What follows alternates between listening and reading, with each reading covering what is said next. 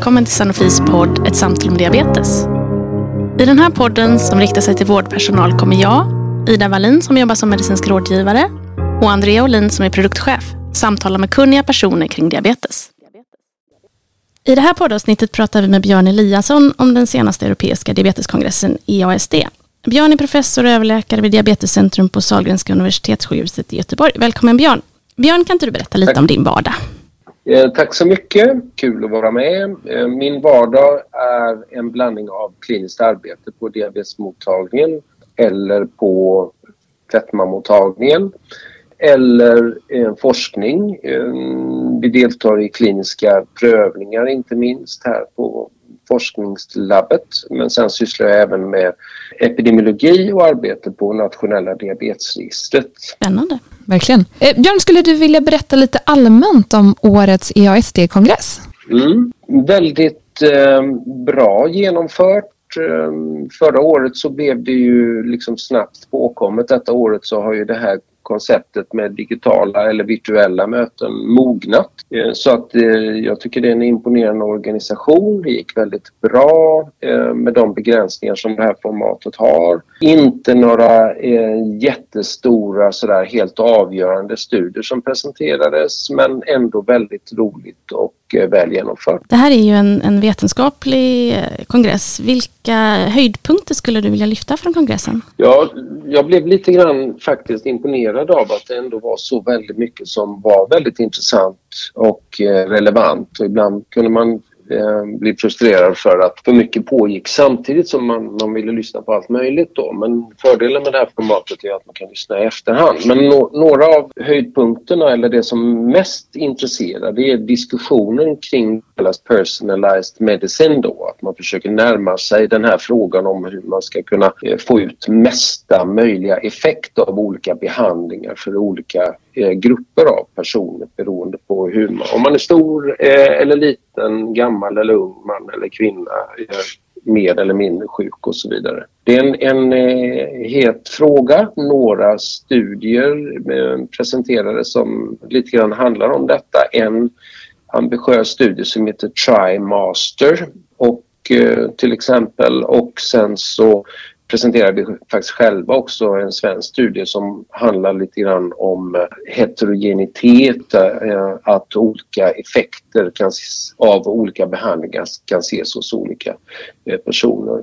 Nej men det, det, är en aktuell fråga. Faktum är att den Europeiska diabetesassociationen och ADA, de, den amerikanska, de skrev ett konsensusdokument redan förra året om detta Eh, om utvecklingen av det här konceptet. Mm, man eh, diskuterar där då eh, vad det är för typ av studier och undersökningar man behöver göra och hur man behöver testa nya hypoteser.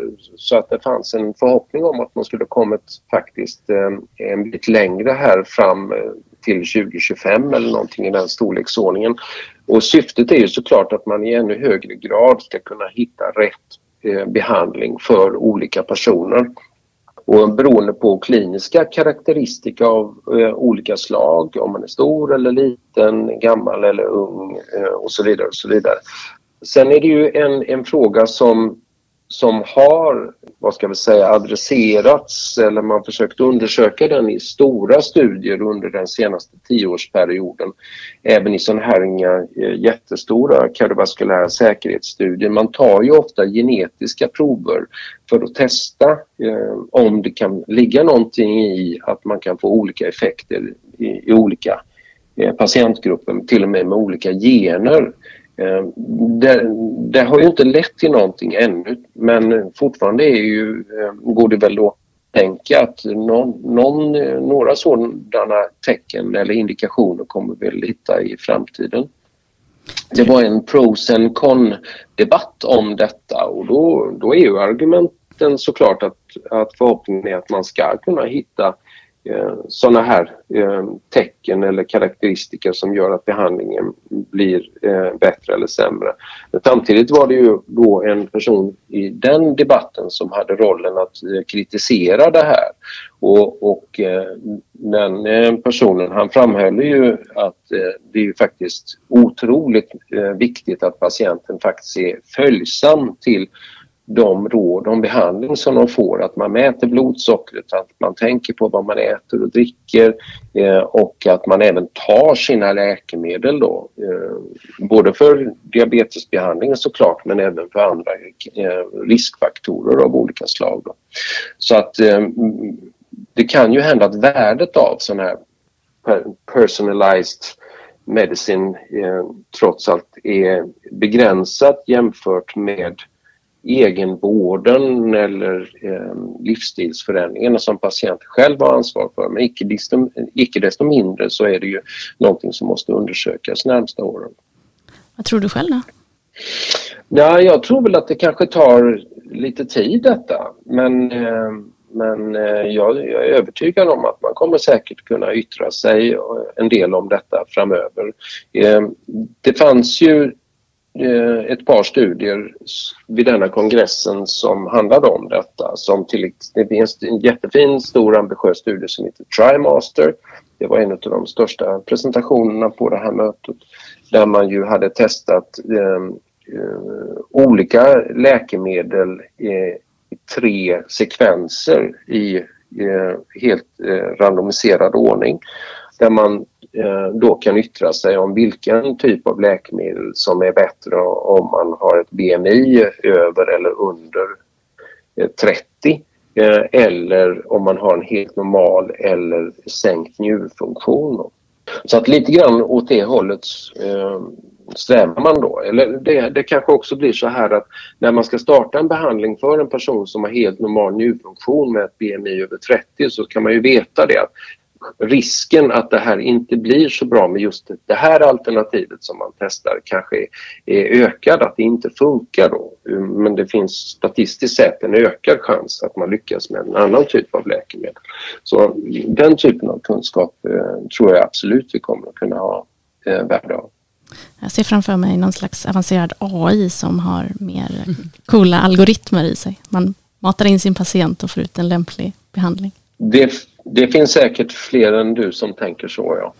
Om det som egentligen var den hetaste grejen rent studiemässigt, i läkemedelsmässigt då, det är ju eh, inkretinkoncepten då. Dels eh, dels då produkter som finns på marknaden som utvecklas för eh, behandling av fetma eh, och sen så det här konceptet med att kombinera olika agonister i en och samma läkemedel det var väl några av höjdpunkterna. Sen var det några konsensusdokument som också, eller motsvarande som presenterades angående till exempel typ 1-diabetesbehandling som en omfattande manual för att sköta personer, hjälpa personer med typ 1-diabetes. Ett samarbete mellan EASD och den amerikanska motsvarigheten ADA. Ett dokument som handlar om fetmabehandling i typ 1-diabetes som ju har väldigt mycket speciella utmaningar och även ett annat eh, dokument som eh, handlade om att kanske eh, angripa fetman som ett huvudproblem vid typ 2-diabetes ehm, genom olika mekanismer.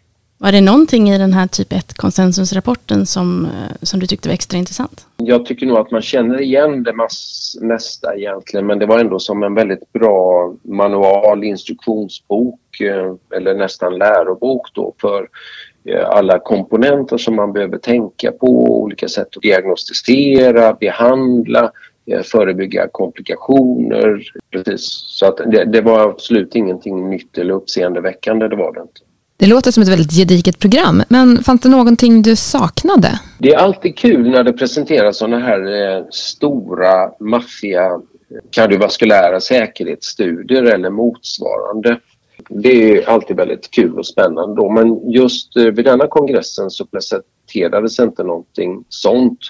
Det här var ju en digital kongress som vi har fått vänja oss vid nu det senaste ett och ett halvt året. Eh, men vad tror du om digital kongress? Är det här för att stanna?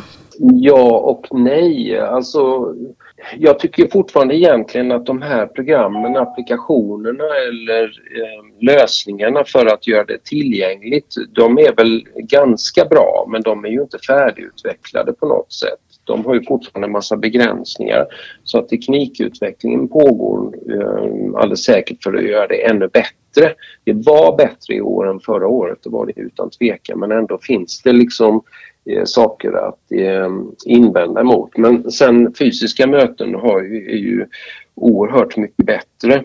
Det är de ju, men, eh, men även vid kommande fysiska möten så tror jag alldeles säkert att man kommer göra det möjligt att följa det på online i en Eh, högre grad framöver när eh, de här tekniska lösningarna utvecklas ännu bättre. Eh, man får ju komma ihåg att, att om man är på plats och lyssnar på en kongress då är det nog så att man ägnar kongressen ännu mera uppmärksamhet än vad man ofta har möjlighet att göra om man är hemma. Då ska man sköta det vanliga livet och kanske lite arbetsuppgifter och familj och allt möjligt sånt där.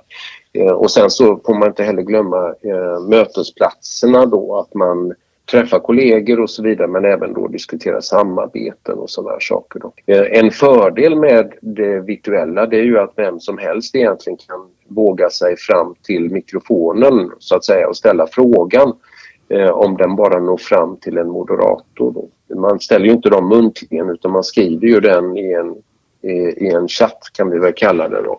Och då vill ju till att eh, moderatorn eh, för fram den här frågan. Men ibland på fysiska kongresser kan det vara så att det sitter bara ett gäng eh, herrar vanligtvis då på första raden som dominerar hela den här diskussionen. Mm. Men vad tror du om nästa års kongress? Den är ju faktiskt planerad att hålla i, hållas här i Stockholm. Precis, och det blir ju naturligtvis jättekul. Ehm, det är alltid kul att åka till Lissabon eller Madrid eller någon annanstans såklart då, men det har ju sina fördelar med en kongress på hemmaplan och de brukar alltid vara trevliga och ehm, bra i Stockholm.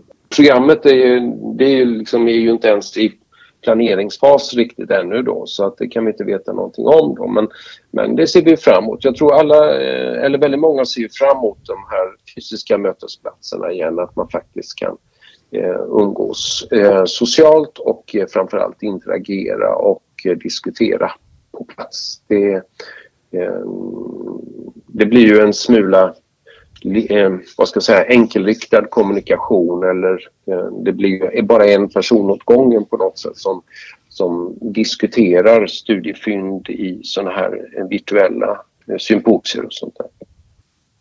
Tusen tack Björn för att du ville vara med i vår podd och berätta om 2021 års europeiska diabeteskongress. Om du som lyssnar önskar återkoppla till oss, hör då av dig på ett samtal om diabetes att och denna e-mail finns också länkad till vid infotexten till vår podcast.